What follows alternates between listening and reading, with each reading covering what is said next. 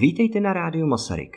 Zde se setkáváme se zajímavými lidmi a bavíme se o tom, jak smysluplně trávit volný čas. Já vítám naše věrné posluchače u dalšího dílu rádia Masaryk. Dnes jsme se sešli s několika hosty kvůli tématu, které není úplně volnočasovou aktivitou, ale je to téma, které by vás mohlo zaujmout. Týká se zahraničního studování, studia v zahraničí, v cizině. Naši hosté se vás pokusí přesvědčit, že studium zahraničí má nějaký smysl. Poradí vám, jak na to, a zároveň všechny posluchače seznámí s určitými riziky, které na ně mohou šíhat. Já nejprve poprosím Wendy, Julču, Petra a Adama, aby se představili, aby nám o sobě něco řekli. Tak Wendy, dobrý den všichni. Mé jméno je Wendy Hazuková a já jsem tady, protože jsem studovala v zahraniční už na střední škole, na gymnáziu a jela jsem do Argentiny tenkrát a momentálně studuju postgraduální studium v Americe. Tak jo. Uh, takže já jsem Julča Pašková, teďka jsem v Oktávě na Masarykáči a loňský školní rok uh, svůj septimu jsem strávila na gymnáziu v Regensburgu uh, na partnerském gymnáziu Albertus Magnus uh, Regensburg. Ahoj všichni, jmenuji se Petr Hladík, jsem absolventem Masterykova gymnázia z roku 2016 a hned po škole, hned po maturitě jsem zmizel do Skotska na University of Glasgow, kde jsem strávil poslední čtyři roky studiem politologie a středo- a východoevropských studií. Úspěšně jsem zakončil, vrátil jsem se domů a začal studovat, začal studovat v Čechách, ale bylo mi to málo, tak jsem ještě dálkově začal studovat univerzitu v Regensburgu. Zdravím všechny posluchače, já jsem Adam Vacek a odmaturoval jsem na Masarykově gymnáziu v roce 2018 a pak jsem podobně jako Petr zmizel do Skotska, ale na University of Edinburgh a studuju momentálně medicínu v Edinburghu už třetím rokem.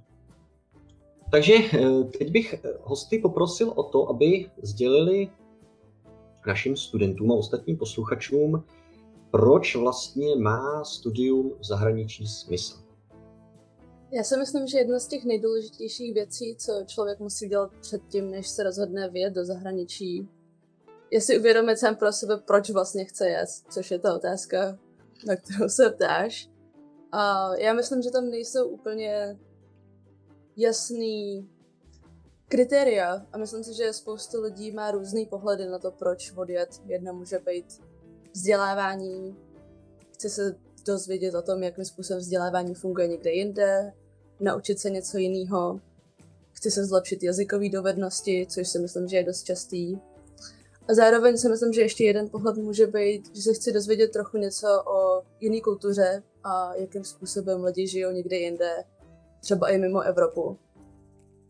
A nemyslím si, že zároveň tyhle ty různé pohledy se musí, uh, musí být exkluzivní, můžou se doplňovat, ale předpokládám, že myslím si, že zájemce o zahraniční studium by si nejdřív měl udělat opravdu jasno, co jsou ty primární góly, protože potom bude důležitý, bude to důležitý v tom, uh, jakou zemi a jakou školu si vybrat a jestli třeba odjet už na střední, anebo až na vysoký. A myslím si, že tam budou jiný góly podle toho, co si rozhodnete dělat. Hmm. Myslíš, že by si dokázala říct, eh, jaký tam byl ten osobní důvod u tebe třeba na té střední škole a jestli ten důvod potom, proč si vyrazila do Ameriky, byl zase jiný nebo stejný?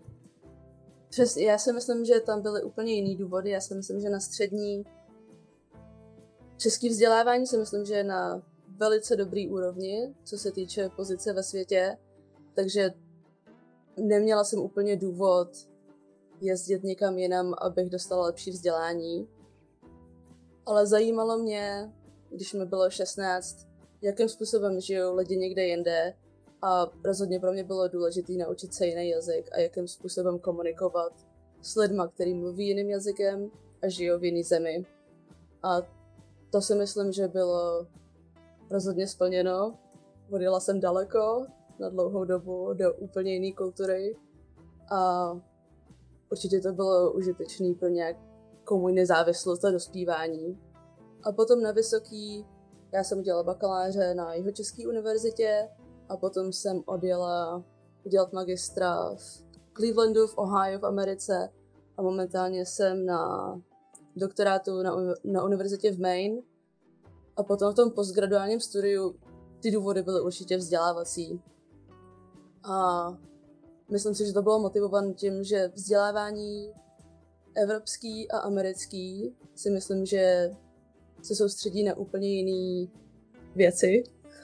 A co z mojí zkušenosti, na co se soustředí český vzdělávání na univerzitě, je spoustu informací, memorizování, a což si myslím, že je strašně důležitý a je to hrozně dobrý stavební blok pro potom vzdělávání někde jinde, třeba v Americe, kde je mnohem větší důraz na kritické myšlení, psaní, vědu a tak. Takže myslím si, že se hrozně dobře doplňují a podle toho, jaký je ten goal, je důležité si vybrat, kam vlastně vyjet a jakým způsobem si to zorganizovat, jestli to dává smysl.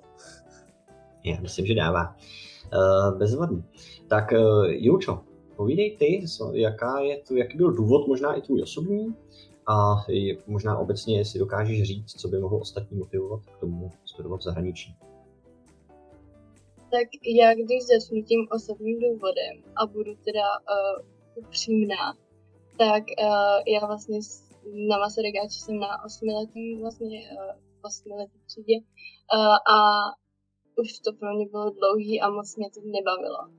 A potřebovala jsem nějakou trochu změnu a měla jsem kolem sebe pár lidí, kteří byli takhle v zahraničí a říkali mi, že to bylo prostě strašně super. A mě jazyky vždycky bavily. Um, Němčina padla proto, protože jsem byla vždycky jako slabší než ty angličtině. Chtěla jsem si ji zlepšit a Německo není daleko. To je asi taky další důvod, proč zrovna Německo. Myslím si, že obecní důvody proč do zahraničí je určitě na prvním místě to, že se člověk hrozně osamostatní.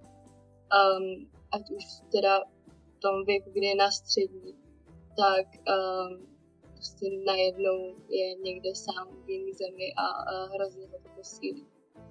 Um, další bod je určitě teda jazyk, ve kterým se zlepší. Um, myslím si, že nejsou tam úplně až takový pokroky, ale spíš člověk získá to sebevědomí.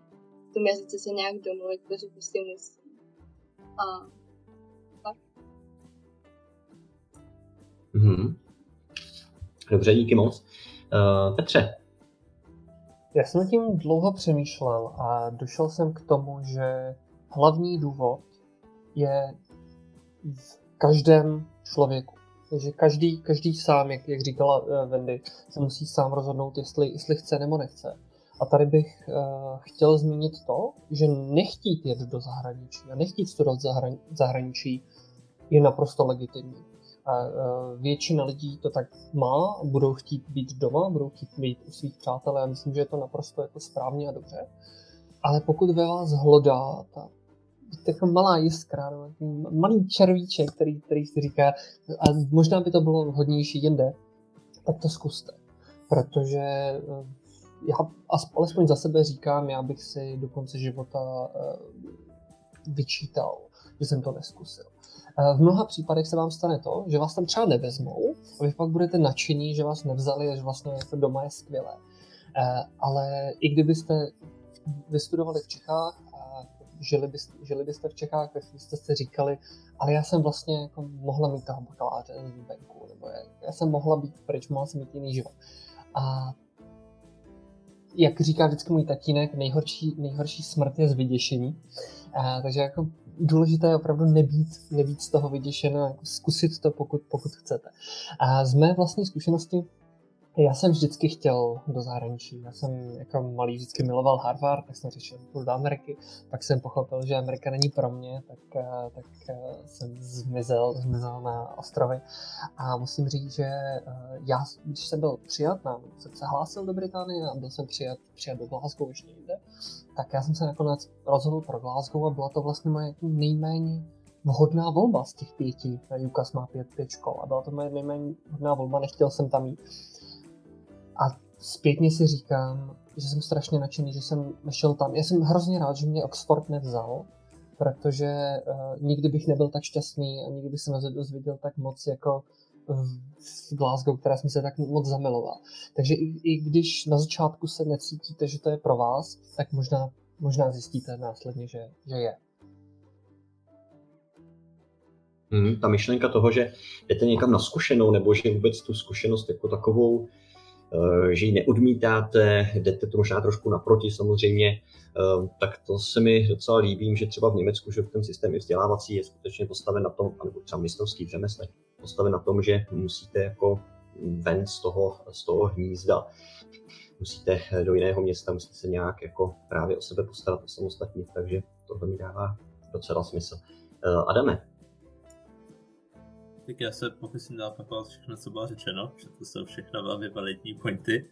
A já, si, já bych asi zmínil ten můj hlavní důvod, proč jsem odešel do zahraničí, o kterém jsme se moc ještě nebavili.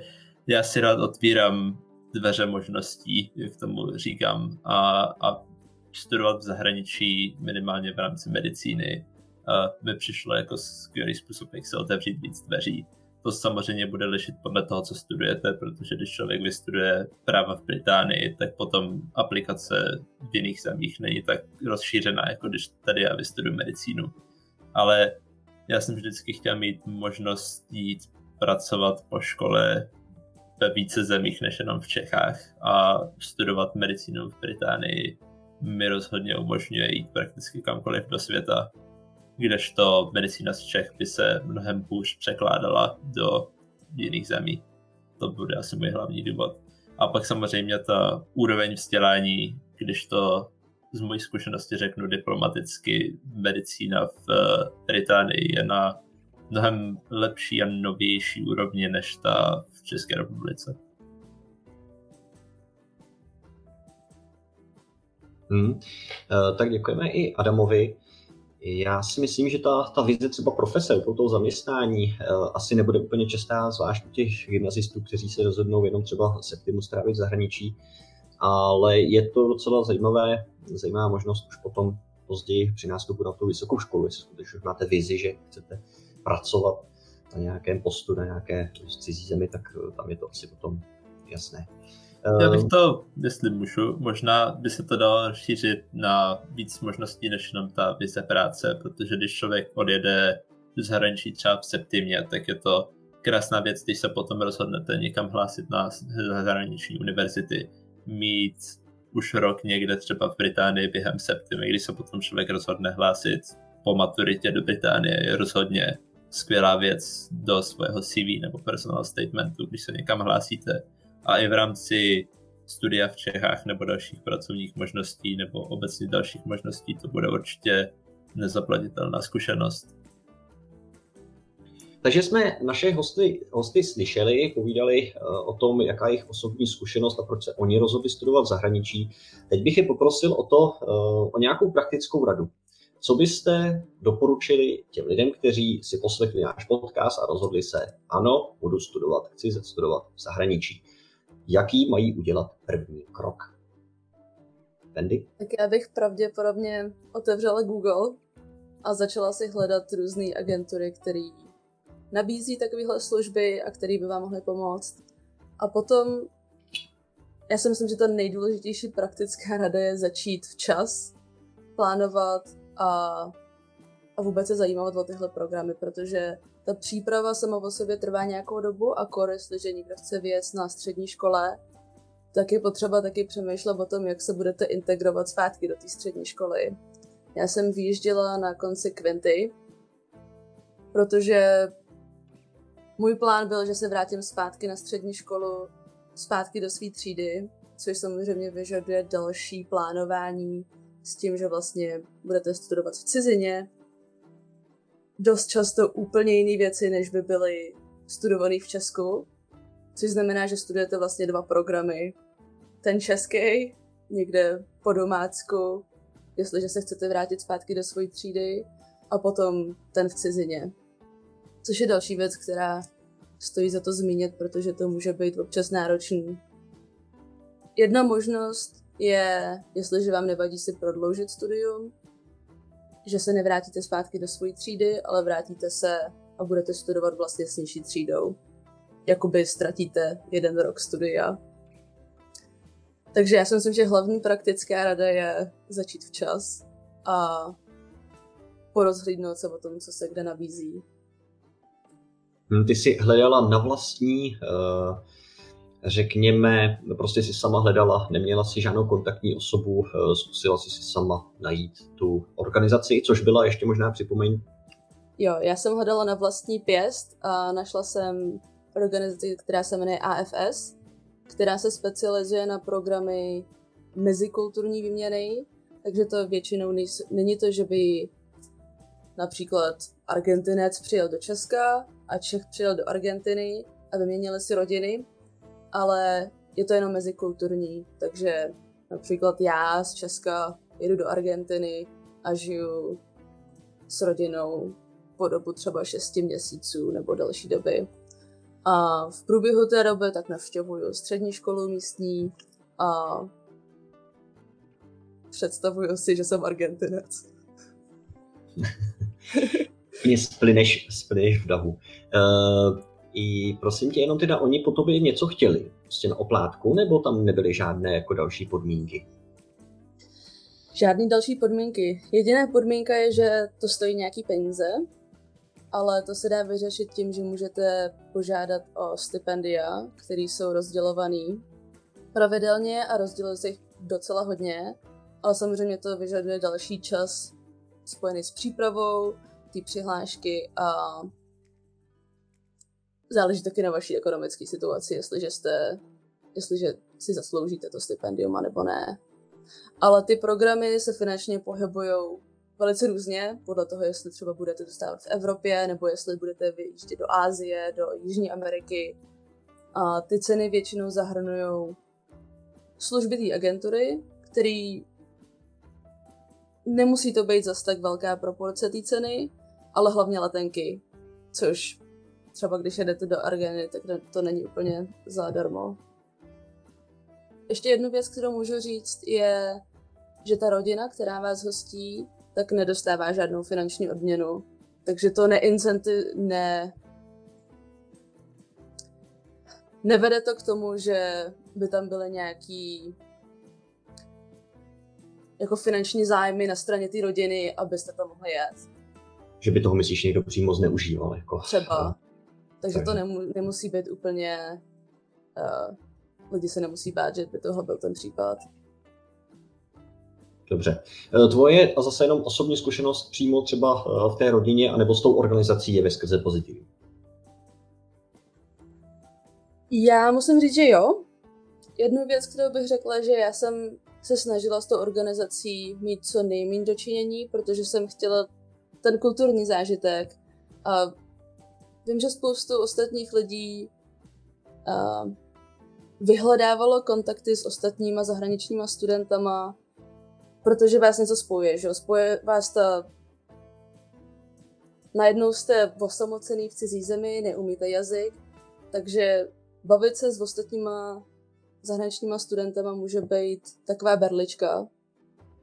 A já jsem se tomu snažila hrozně vyhnout, takže moje zkušenosti s tou organizací jako samotnou a s ostatníma členama jsou minimální, protože jsem to tak chtěla, ale vím, že spoustu lidí mělo hrozně dobrý zážitky, protože právě našli tuhle tu komunitu lidí, kteří byli kteří měli zájem že, studovat v zahraničí, naučit, naučit se cizí jazyky a zvýšilo to tu jejich síť kontaktů, kterou měli po celém světě. Hmm, Já už hmm. nevím, o čem jsme se bavili na začátku. Dobře, jsme toho obsáhli docela dost, těch, eh, těch témat a těch informací je docela dost. Jasně, že těch organizací... Můžeme se ještě jednou otočit a pak třeba ještě něco mě napadne. Můžeme na sebe i zareagovat v případě, že máte co doplnit určitě. Eh, myslím, že Petr má možná poví zase o podobné organizaci, že asi ještě eh, větší, takže tam od něj uslyšíme.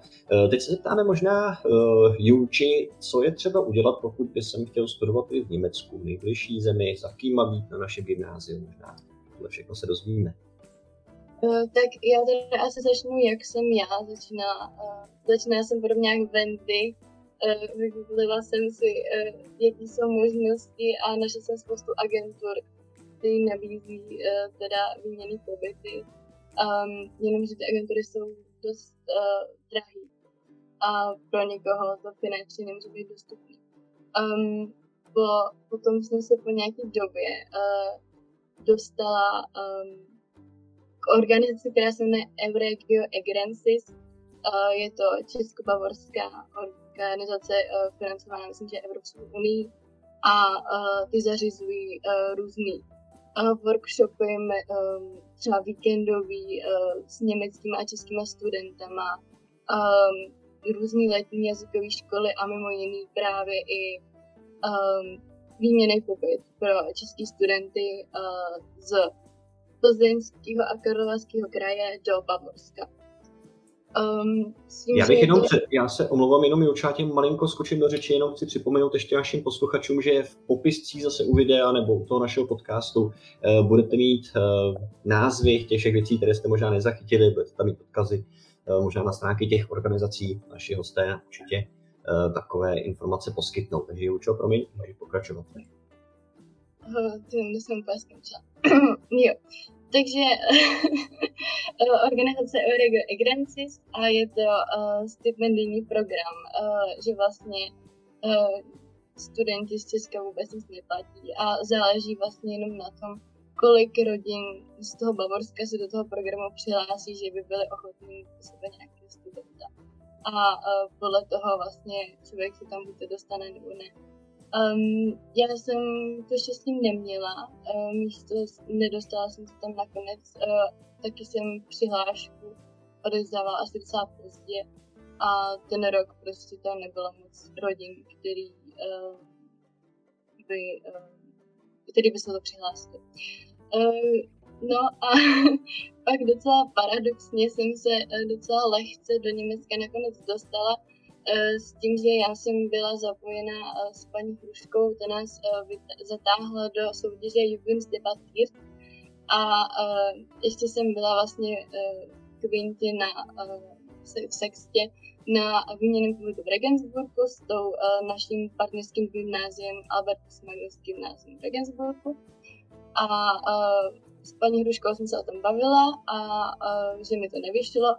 A ona mi řekla, ať zkusím napsat do Regensburgu na to naše partnerské gymnázium e-mail uh, řediteli školy, jestli by tam neměli volný místo uh, prostě v třetím ročníku gymnázia.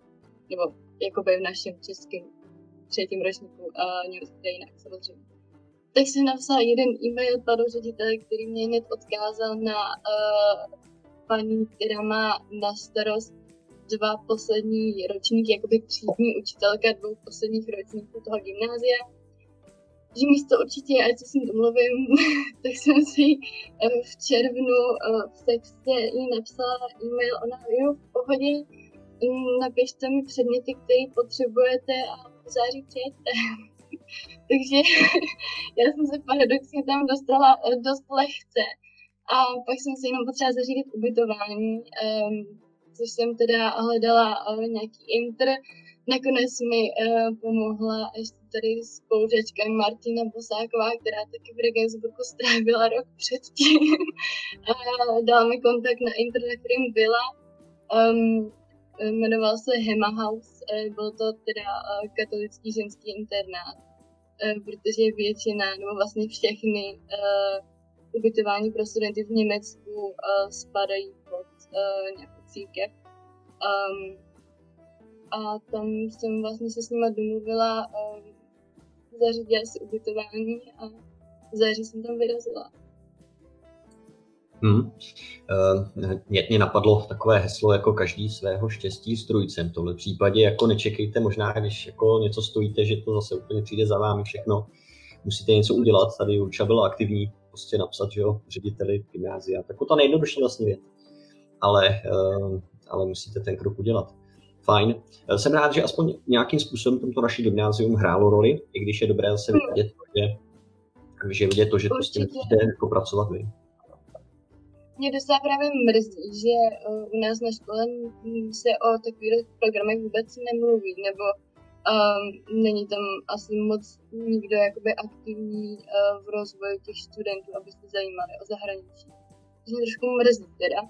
Ale ohledně tý, toho Německa, tak třeba paní Hrušková je hodně aktivní, ať už uh, ty různé uh, soutěže německý, ty výměný pobyty, ty školní a tak. A myslím si, že když za ní jako člověk zajde a zajímá se, tak ta určitě pomůže poradit, to toho výhodně. A paní Egermerová tak, ta, taky jako, uh, jestli o tohle zajímá a snaží se to trošku nějak předat.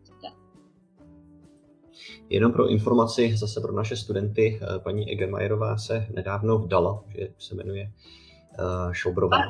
Jste měli, představu, měli představu, to je v pořádku. Uh, nicméně možná, že i uh, naši němčináři, nebo můj jazykáři, doplní popisky pod ten podcast k tomu, kdo by byl třeba kontaktní osobou v případě zájmu. Takže to určitě, určitě můžeme taky provést. Taky určitě děkujeme a Petr nám řekne možná něco o tom, jak se dostat na zahraniční školu. A já než bych začal, tak eh, bych se krátce vyjádřil k tomu, co, co řekl Wendy a Julča, protože s tím plně souhlasím. A první věc, která mě napadla, když jsem řešil, co udělat předtím, než, než půjdete do zahraničí, a mám tu napsanou k tomu poznámku, získat si co nejvíce informací předem. A jako, ono to už slyšíte po třetí, ale to naprosto nejdůležitější. Už jenom z toho rozhod- rozhodnutí, jestli vůbec chcete jít, protože možná díky těm informacím zjistíte, že to vlastně není pro vás, to místo není pro vás, nebo ten obor není pro vás, nebo přímo studium zahraničí není pro vás. Takže opravdu jako, to je úplně nejdůležitější věc, kterou vám asi všichni, všichni budeme několikrát opakovat. Za druhé, což je s tím částečně spojeno, zkuste najít komunitu lidí, kteří to buď studovali, nebo o tom něco ví. A já vím z vlastní zkušenosti, že je to nejlepší způsob a to z toho důvodu, že lidé, kteří na té univerzitě či škole studovali a líbilo se jim tam, eh, nechtějí nic víc, než vás tam dostat, než, než vás přesvědčit, že je to nejlepší věc pod sluncem. Já jsem neskutečně hrdý na to, že eh, když bylo zmíněno, že na Masarykáče není, není dostatek eh, lidí aktivní eh, v, v oboru vzdělávání zahraničí, tak já jsem neskutečně hrdý na to, jsem to právě já, kdo založil uh, náš UCAS, náš uh, systém, přes který se, uh, se dá studovat v zahraničí, v Británii, v Spojeném království. A uh, vím, že několik lidí uh, od doby, co já jsem opustil Masarykáč, uh, přes ten portál prošlo. Že díky tomu, že já jsem trpěl jak kůň ve snaze dát ho dohromady, eh, tak eh, nová generace to má jednodušší. Já jsem strašně hrdý, protože to znamená, že více lidí může zažít eh, tak skvělé tři až čtyři roky, jak jsem měl já. Takže opravdu jako ptejte se lidí, kteří tím prošli, kteří někde byli a oni budou opravdu moc rádi, že se jen na to ptáte a moc rádi vám poradí. Já jsem moc rád, že má blízká kamarádka, Kateřina Špalková, eh, která eh, odešla z eh, Gimplu dva roky zpátky, jestli dobře počítám, tak si vybrala právě Glasgow jako, jako místo, kde bude, kde bude studovat a považuje to za svůj největší životní úspěch. A, a tak opravdu ptejte se, ptejte se dál a rozhodně, rozhodně to bude fungovat. A poslední věc, kterou jsem v téhle věci chtěl říci, je, že když už tam přijdete, no, přijdete na, do zahraničí, přijdete na do zahraniční školu, tak se budete bát. Bude vám všechno připadat zvláštní, jiné. Tak jenom chci říct, nebojte se, všichni jsou na tom úplně stejní. Budou tam, budou tam stovky studentů, uh, tisíce studentů, někteří z nich budou v zahraničí, ti na tom budou úplně stejní jako vy. Uh, budou tam lidé, kteří přichází z ještě vzdálenějších kulturní, kulturní, kulturně vzdálenějších zemí a regionů, ti na tom budou ještě hůř než vy. A z vlastní zkušenosti ve Skotsku eh, spousta angličanů, kteří přišli do Glasgow, říkáte si, je to jedna země, tak oni byli automaticky okamžitě ztraceni. Já jsem já jsem si říkal, že neumím jazyk a jsem absolutně neschopný. Nic si z toho nedělejte, v Glasgow nerozumí nikdo. E, opravdu jako ani angličani vám nebudou, ne, nebudou rozumět. E, mladí angličané přijdou, přijdou do Skotska, první věc, kterou udělají, je, že se opijí, protože to bylo jako 18. narozeninám a Skoti to absolutně nechápou, protože Skoti jsou opilí od narození. Takže jako tímhle způsobem opravdu se z toho nic nedělejte. Ty kulturní rozdíly jsou naprosto obrovské. A nejste v tom sami. Ni nikdy v tom sami nebudete. Uh, já bych, já bych možná Petra ještě poprosil, on to tady zmiňoval, uh, organizaci Erasmus. Určitě, zrovna jsem to chtěl zmínit, já jsem uh, ve svém třetím ročníku, ano, protože Skotsko má čtyř, čtyřleté té tituly, většina uh, Anglie má tři leté, takže tam byste to měli ve druhém ročníku. Uh, máte možnost jít na jeden semestr, případně na dva, necelý uh, akademický rok, někam do zahraničí. V mém případě to byla Tartu Ylikali, uh, univerzita v Tartu, v mém milovaném Estonsku. A musím říct, že to byl velmi zajímavý zážitek. Spousta lidí když se rozhodne jít na Erasmus, tak tam jde s, eh, s představou, že bude pařit každou noc. A moji spolubydlící měli stejný názor a já jsem se půl roku nevyspal. Ale ne, opravdu. Ten, uh, jsou lidé, kteří vnímají svět, svět takto a je mezi e, studenty Erasmu spousta, takže pokud, pokud chcete půl roku pařit, Erasmus je skvělý, protože budete pařit s dalším Erasmáky. Ale pokud ne, uh, tak uh, se spojte s místními studenty, v mém případě uh, s lidmi ze Estonska a pracujte a studujte s nimi, protože se díky tomu dozvíte to, co, co chcete. Ale co je vlastně samotný, samotný Erasmus? Erasmus je organizace založená a vytvořená Evropskou unii a také spolufinancovaná Evropskou unii. Jejím účelem je uh, zvýšit mobilitu studentů v rámci Evropské unie. Funguje to tak, že když jste studentem v nějakém státě v Evropské unii, a to může být třeba i v Čechách, že pokud se rozhodnete být na bakaláře či magistra v Čechách, řekněme si, že chcete zůstat tady, tak můžete po roce, roce a půl stráveném v Čechách se rozhodnout vyrazit někam po Evropě. V mém případě do Estonska, ale můžete, můžete prakticky kamkoliv. Uh, funguje to tak, že se předem, většinou rok předem, přihlásíte, uh, zadáte si své univerzity, které jsou pro vás ideální, kam chcete jít. Většinou to probíhá tak, že vyberete tři místa a na nějaké z nich se nejspíše dostanete. Eh, pokud si vyberete nějakou velmi kompetitivní univerzitu, eh, tak tak nemusí dopadnout, ale fantazii jsme se nelekla jděte do toho.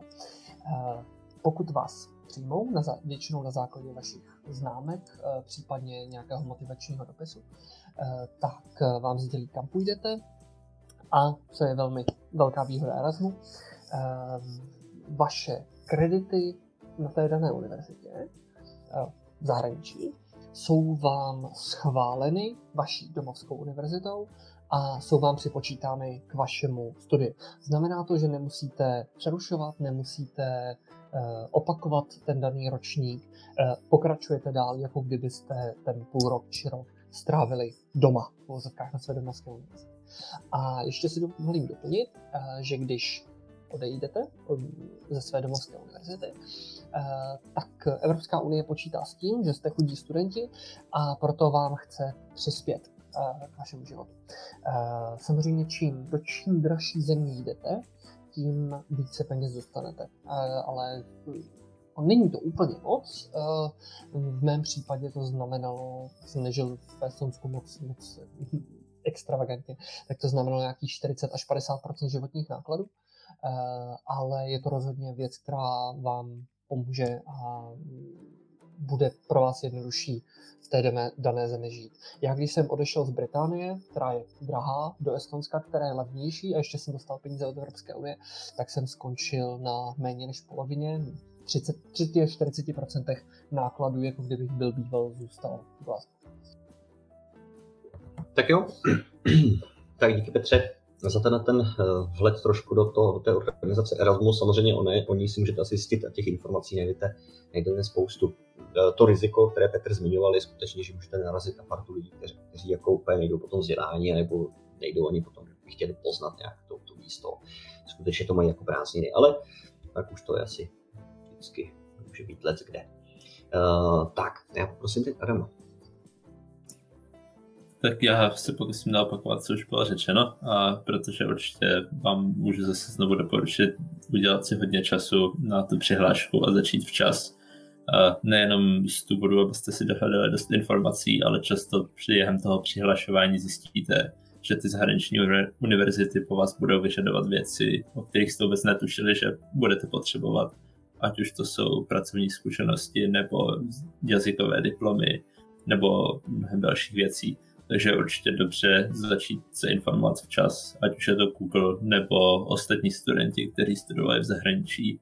Mě osobně motivoval jak Petr, který odešel rok přede mnou a musím mu poděkovat za UCAS, přes který jsem prošel, a, tak Petra Bezděková, která dělala ten, ten rok, co jsem se hlásil, dodělala stáž jako mladá delegátka ve Spojených národech což byla taky moc zajímavá zkušenost a motivace a zajímavý člověk, se kterým si popovídat. A jak říkal Petr, zahraniční studenti jsou potenciálně nejlepší zdroj informací a, a odkážou vás na spoustu dalších informací bez toho, aniž byste museli dlouze googlovat. A když se určitě ozvete komukoliv z nás, tak budeme rádi a pomůžeme vám. A další věc, kterou bych zmínil, o které jsem předtím moc nemluvilo, je určitě vyražte, pokud můžete na dny otevřených dveří na nějaké ty univerzity, které vás potenciálně zajímají.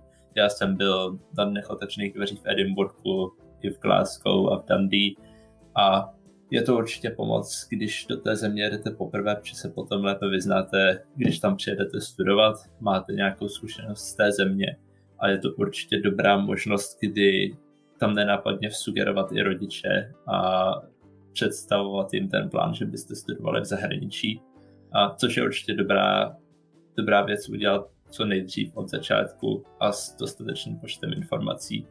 A teď nemluv, nemluvíme nutně jenom o nějakých finančních podporách od rodič, od rodičů, protože to závisí na ekonomické situaci, ale je určitě dobré mít podporu rodičů, když děláte tu přihlášku, procházíte další zkoušky, připravujete se na maturitu a máte určité známky, které potenciálně musíte dostat, tak určitě mít podporu doma je důležité. A potom, když někam odjedete, tak je dobré odjet v dobré náladě v domácnosti, abyste se mohli vrátit a tak dále. A určitě je podstatné mít hodně informací, protože je velký rozdíl, když rodičům představujete nápad, že odjedete potenciálně na zbytek života studovat do Británie a pracovat v Británii a máte určitou představu a když jim představíte konkrétní plán, potenciální čísla, informace, lokace a případné dny otevřených dveří, kam by mohli vyjet s vámi. A i pro ty rodiče je to velká motivace, když se potenciálně dostanou na den otevřených dveří a vidí, jak fungují univerzity jinde a jak by to potenciálně mohlo vám prospívat. Takže určitě invo, involvovat. Určitě angažovat zbytek rodiny je důležité. Jestli mohu jenom doplnit krátce k tomu dnu otevřených dveří, já moc děkuji Adamovi, že to zmínil, protože jak tam mám takovou osobní historku. Já když jsem byl na střední a řešil jsem, že bych mohl v budoucnu studovat ve Skotsku, tak jsem byl na svém dní otevřených dveří v Edinburgu, pak jsem se přesunul do Glasgow, kde jsem vylezl z vlaku a najednou jsem přestal mluvit jazykem, myslel si, že jsem na druhé straně světa a nějakým zázrakem jsem se dostal na, na univerzitu, eh, šel jsem na politologii, na otevřený dveří politologii. A najednou tam bylo 600 lidí a hrozně zapařený sál a strašně to nebavilo a já si to, to možná jako fakt nebude ono. A jak jsem si procházel náš nádherný kampus, Glasgowská univerzita má nejhezčí kampus v Británii. A uh, viděl jsem na jedných vzdálených dveřích takovou jako za, za říci, jako, jako zašedlou tabulku, že od pěti odpoledne tady budou středo-východoevropská studia. Je úplně poslední, poslední předmět. Já jsem tam přišel, byl tam asi tři lidi, z čehož jeden byl Maďar a očividně se ztratil. A měli jsme tam, měli jsme tam přednášku od uh, Amona Českira, a ta přednáška byla tak dokonalá, že jsem si řekl, musím jít na středovýchodoevropská studia. A já jsem na, byl na středoevropských studiích a je to můj hlavní obor a já jsem strašně nadšený, takže jako, kdybych nebyl býval vstoupil do té univerzity, tak asi skončím Glasgow, ale skončím na politologii a nenapadne mě, že středovýchodoevropská studia budou studiem mého života, takže neotevřený dveří jsou naprosto super. Hmm, tady asi... Je. No, povídej, Adam, povídej. Yes, já ještě budu pokračovat potenciálně z Británii chvíli. Uh, pokud se hlásíte do Británie na vysokou školu, tak UCAS, existují organizace, které vám samozřejmě pomůžou s tou přihláškou, tam vám hned bohužel neřeknu, protože jsem přes žádnou nešel, ale UCAS je ten oficiální portál, přes který se hlásí většina studentů, a kde vyplníte přihlášky, pošlete své CV a vyberete si školy. A potom to samozřejmě záleží na tom, jak si progooglíte jednotlivé univerzity ale UCAS je ten hlavní portál, přes který se budete hlásit. A případně pokud by vás zajímal nějaký kontakt na naší škole, tak mě pomáhala paní učitelka Pavčeníková z kabinetu angličtiny, která psala uh, doporučující dopis mě a Štěpánce Havlové, která studuje na University College of London. Já bych určitě souhlasila se všem, co Adam řekl, ale ještě bych dodala, že jakmile si vyberete univerzitu, tak bude je užitečný kontaktovat um, oddělení, který se zabírá těma zahraničníma studentama. A v podstatě skoro každá univerzita takový oddělení má a většinou je tam několik kontaktních osob a tyhle lidi budou hrozně užiteční s tím, abyste měli kompletní přihlášku a abyste věděli co a jak, protože každý stát a každá univerzita budou mít trochu jiné podmínky mě jenom napadlo, eh, musím říct, docela zajímavá myšlenka toho, že opravdu vytáhnu svou rodinu jako do Británie, aby šli se mnou na den otevřených dveří na tu univerzitu, se mi jako líbí. Ono to můžu trošku zaobalit, že jo? můžu jako říct, že pojedeme na Stonehenge. A, a potom je jako nenápadně stáhnout z toho Stonehenge, jako že už vás to tam nebaví a že už vlastně chcete jako na tu univerzitu. A pak se zděsí, když zjistí, že jako to myslíte vážně, že byste něco takového chtěli studovat. Um, jo, jasně, že tam eh, ty finance potom hrajou určitou roli, ale eh, je to zajímavý, jako člověk by neřekl, že ten otevření dveří může být jako eh, tak důležitou věcí, ale podle zkušeností to tak být může. Eh, já vás teď poprosím našeho hosty, aby mluvili o určitých rizicích, co si myslí, že se nemusí vždycky povést, na co můžete být připraven, že se jako pokazí. Andy?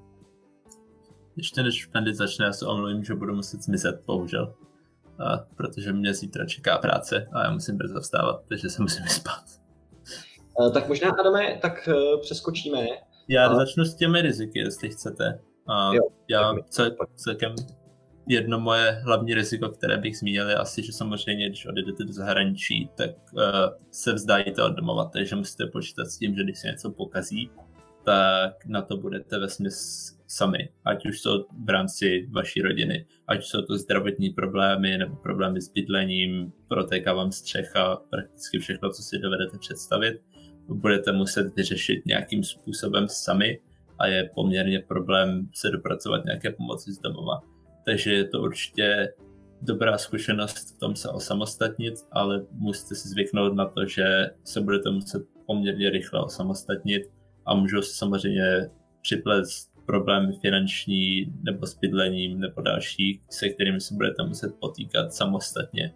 To je asi největší riziko studium zahraničí. Na druhou stranu je třeba zmínit, že určitě nebudete jediní a určitě na tom nebudete sami, ať už jste kdekoliv. A většina univerzit má organizace nebo lidi, za kterými můžete zajít a řešit to s nimi, nebo budete mít spoustu kamarádů, se kterými se o tomhle můžete podělit a budete to řešit společně. Takže určitě riziko, že studujete dál domova a věci budou složitější, ale je to riziko, které se docela dobře mitiguje v zahraničí. Tak eh, díky Adame moc, možná se můžeš rozloučit tedy s našimi posluchači? Já se rozloučím, budu muset odejít, abych si teda mohl vstávat na svou 14 hodinovou směnu, takže se omlouvám, ale naschledanou. Naschledanou. Tak a e, my se vrátíme k Wendy. Wendy, nevím, jestli zrovna u tebe v Americe je teď e, hodin, jestli odpoledne, předpokládám, takže ty snad ještě s námi vydržíš chvilku a řekneš nám něco o těch rizicích. Jo, tady jsou teprve jen čtyři hodiny, tak já to snad ještě zvládnu nějakou dobu. Já bych řekl, no určitě, jak říkal Adam, v podstatě všechno, na co si můžete vzpomenout, pravděpodobně se pokazí, takže je dobrý s tím počítat už dopředu. Ale je dobrý taky vědět, že spoustu lidí vám chce pomoct. Ať už je to soused, nebo učitel, nebo nějaká kontaktní osoba na univerzitě, nebo na střední škole. Myslím si, že to je hlavně o tom se nebát si říct o pomoc a, a komunikovat brzo a často s kýmkoliv v podstatě. A to určitě zamezí spoustě problémů. Já si myslím, že jeden z těch největších problémů je nějaký kulturní pro- problém, protože ať jste v Evropě, v jiné zemi, nebo někde jinde po světě, tak lidi mluví jiným jazykem a jazyky fungují jiným způsobem. A když se lidi snaží vám něco říct v jiném jazyce, tak to často může být... Je tam spoustu prostoru pro neporozumění si. I když si myslíte, že se rozumíte, i když rozumíte těm slovům, co přichází z úst toho jiného člověka, tak často ten, ten význam může být trochu jiný, protože je zabarvený tou jinou kulturou.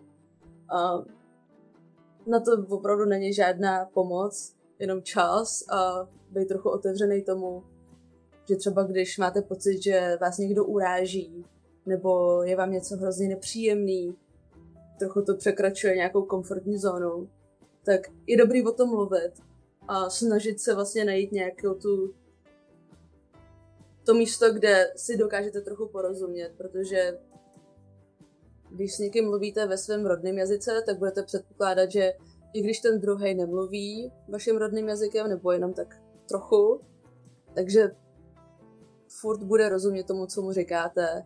A to často není pravda, protože máte úplně jiný kulturní zázemí.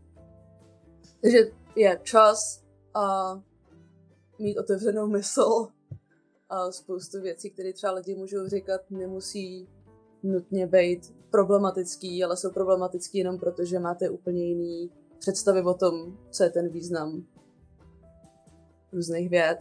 A to si myslím, že je hrozně častý důvod, proč lidi třeba můžou být nešťastní v zahraničí a nemít úplně dobrou zkušenost. A myslím, že to není úplně jako jednoduchá pomoc, no. Dobře, uh, jasně, je to, já třeba osobně právě bych nikdy nešel studovat do zahraničí asi, ale možná, že dneska už je to zase jinak, ale vnímal jsem to jako mladší, eh, tu jazykovou bariéru jako, eh, jako nepřekonatelnou, jako věc, kdy mm, prostě člověk, který je zvyklý, že si pomůže, rozumí těm vztahům okolo sebe, jenom když projdete po ulici. Víte, co se tam děje, víte, proč se to děje. Jakmile jste v té cizí zemi, může se vám stát, že prostě nevíte, co se kolem vás děje a ten pocit potom logicky pro vás může být prostě nepříjemný, takže eh, pro mě to tak, eh, pro mě to tak třeba bylo. Přesně a ještě bych řekl ale, že jestliže má někdo strach z té jazykové bariéry, tak ten čas, který trvá, než se naučíte jazyk nějakým pracovním způsobem, tak mě to trvalo dva měsíce, když jsem jela do Argentiny a neuměla jsem španělsky v podstatě vůbec.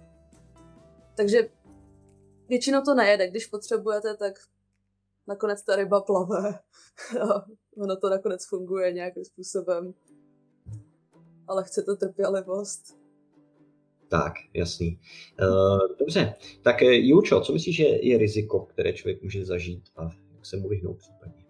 Uh, já bych teda chtěla říct, že člověk by určitě neměl počítat s tím, že všechno bude hned a měl by počítat s tím, že ty začátky prostě nebudou jednoduché. Že hnedka třeba nezapadnu do třídy, v škole. Hnedka prostě nebude ten jazyk. Um, jak řekla Wendy, to trvalo taky dva měsíce, než mě taky trvalo třeba tři měsíce, než jsem si uh, začala být uh, jistá a uh, dokázala jsem přehodně říct něco jiného, než uh, ich weiß nicht, takže člověk určitě by měl počítat uh, tím nejhorším. A, jazyková bariéra tam bude. 100% tam bude. myslím si, že s tímhle e, bude mít každý problém. A, myslím si, že další asi jiný rizika, všechny ty nejdůležitější se asi řekly. na všechno bude člověk sám a myslím si ale, že toho zase nejvíc posílí. Že to toho člověka nejvíc posílí, že si musí o sebe sám postarat, že si musí všechno sám zařídit a že ta cesta nebyla jednoduchá, tak za to bude potom vděčný. Mm-hmm. Tak Petře, co tvoje riziko, co myslíš? Já jsem si napsal tři rizika a došlo mi, že to zní extrémně negativně, tak já je sdělím a pak vám vysvětlím, eh, že to tak strašné není. Ale uh, zaprvé jsem přemýšlel nad uh, vztahy. Vztahy s lidmi, a protože to známé přísloví sejde z očí, sejde z mysle opravdu funguje. Po čtyřech letech v Glasgow jsem zjistil, že spousta lidí, se kterými jsem si byl velmi blízký, tak už si, ne, že si nemáme co říct, ale odcizili jsme si. Našel jsem jiné přátele, um, ale čas třeba svých spolužáků, eh, které jsem, se kterými jsem byl tady 8 let, tak po čtyřech letech je do jisté míry nepoznávám. Jsou to úplně jiní lidé a dává to smysl. To je do období, kdy se nejvíce formujete, potkáte nejvíc lidí, mm, z ní, nejvíce měníte své názory a se, když se čtyři roky nevidíte, tak eh, jste pak Somebody I used to know, jak se zpívá, to je známé písně. A tady bych jenom chtěl, chtěl zmínit, že tohle je i velký problém ve chvíli, když třeba máte přítele či přítelkyni a s tím odjedete na dlouhou dobu do zahraničí a myslíte si, že všechno bude v pohodě. Znám případy, kde to v pohodě bylo, znám případy, kde, to, kde se vztahy rozpadly třeba za měsíc, že to není to jednoduché. Já naštěstí mám naprosto úžasnou přítelkyni, takže nám to, nám to, nám to přežilo, ale není to, opravdu to není jednoduché. A rozhodně to berte v potaz, když odcházíte do zahraničí a prodiskutejte to dříve, než tam odejdete, protože uh, jestli si nejste jistí, že studium zahraničí je pro vás to pravé, tak nestojí za to přijít od někoho, s kým chcete strávit zbytek života kvůli pár měsícům v Německu. Za to, fakt nestojí. Je třeba, je třeba asi přítelkyni informovat aspoň týden předem, říkáš. já, já jsem konzervativní, aby šel do dvou týdnů, ale ano. a druhé riziko, které mě napadlo, je, a to myslím, že přesně riziko Masarykova gymnázia, je riziko sebevědomí. A 8 let jsem byl učen z elita národa, prostě měl jsem ze všeho skvělý známky a všechno bude super a jako vyhrával jsem všechny možné soutěže. Pak přijedu do Glasgow a můj, můj první esej byla C3. Jo, nejhorší výsledek v mém životě. Co se to sakra stalo? Je to naprosto normální. Děláte práci v jiném jazyce, děláte práci úplně jiným způsobem, v jiné zemi, v jiné kultuře. Trvá to, eh, než se to naučíte. Moje univerzita eh, dělá dělala, už to není moje univerzita, dobře, alma mater. Já se pořád považuji za studenta Glasgow. A moje alma mater eh, dělala různé kurzy o to, jak se, jak se naučit správně dělat eseje, jak se správně naučit fungovat v rámci skotského uh, reading system a známkování. Tak. Uh, a já jsem si říkal, přece jako to nepotřebuju, teď to zvládnu. Věřte mi, potřebujete nebo alespoň si to potřebujete projít a, a není nic špatného na tom, že si to projdete.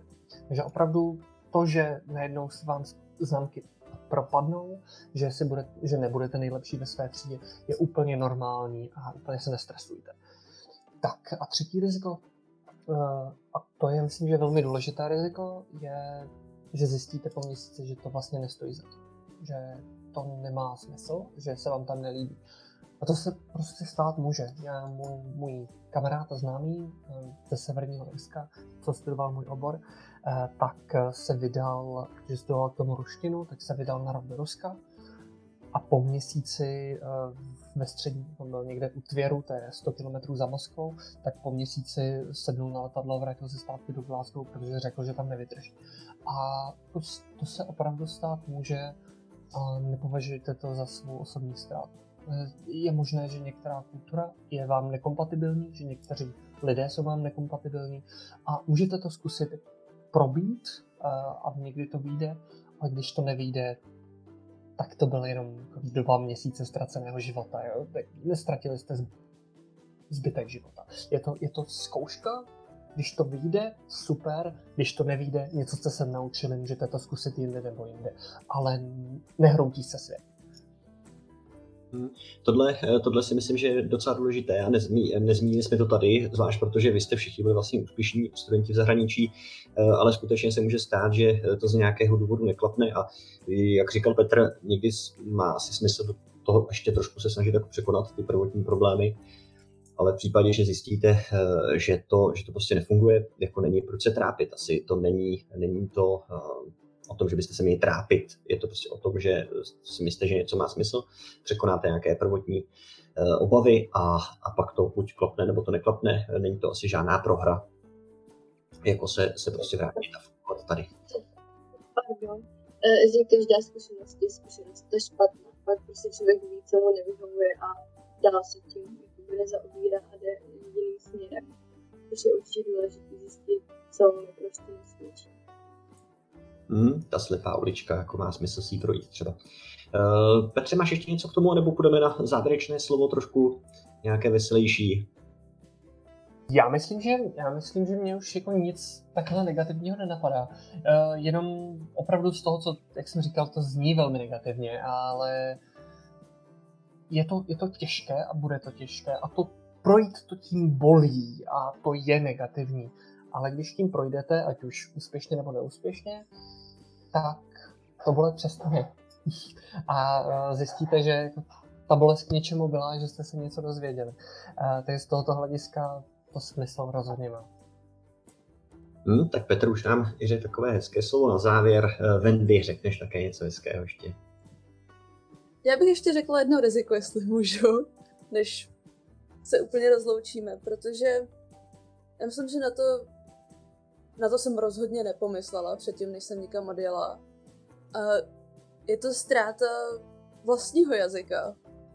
A musím říct, že se mi to stalo i na střední, i teď.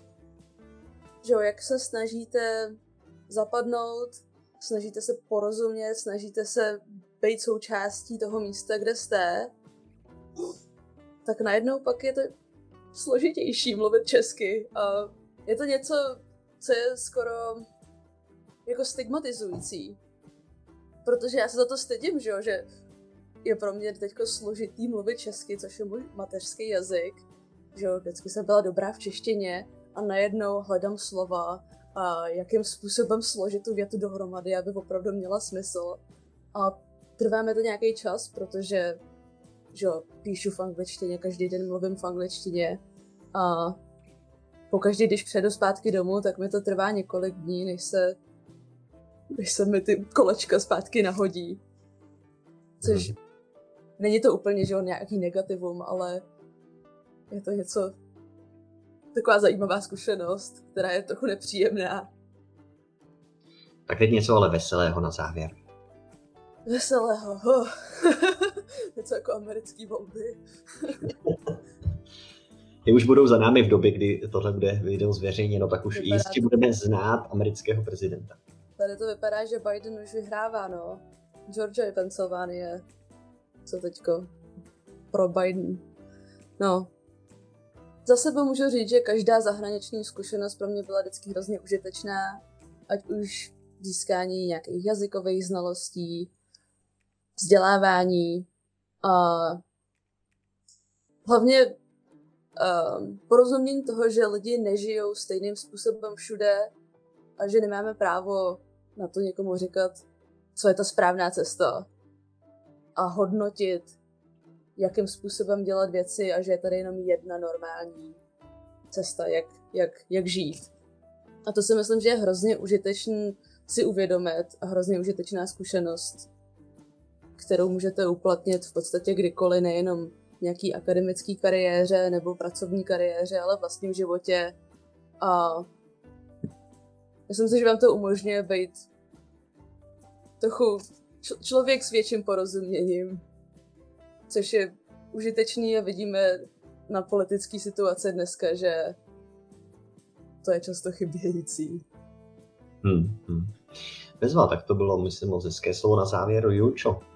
No, tak já bych asi jenom řekla, že eh, kdo si s tou myšlenkou je v zahraničí pohráváte, tak určitě jeďte. Uh, že uh, myslím si, že pak si nebudete vyčítat, že jste to neskusili a uh, určitě vás nikdo neposune. prostě bych jela. Vezva, tak jste slyšeli uh, jasné pozbuzení a uh, myslím si, že teď už vám nic nebrání uh, nažhavit Google a začít zjišťovat, uh, ať už jste v sekundě uh, nebo v oktávě nebo v jakémkoliv jiném ročníku a můžete si něco o tom zjistit. Takže já se s vámi loučím, nashledanou a ostatní. Mějte se krásně. Naslyšenou. Naslyšenou.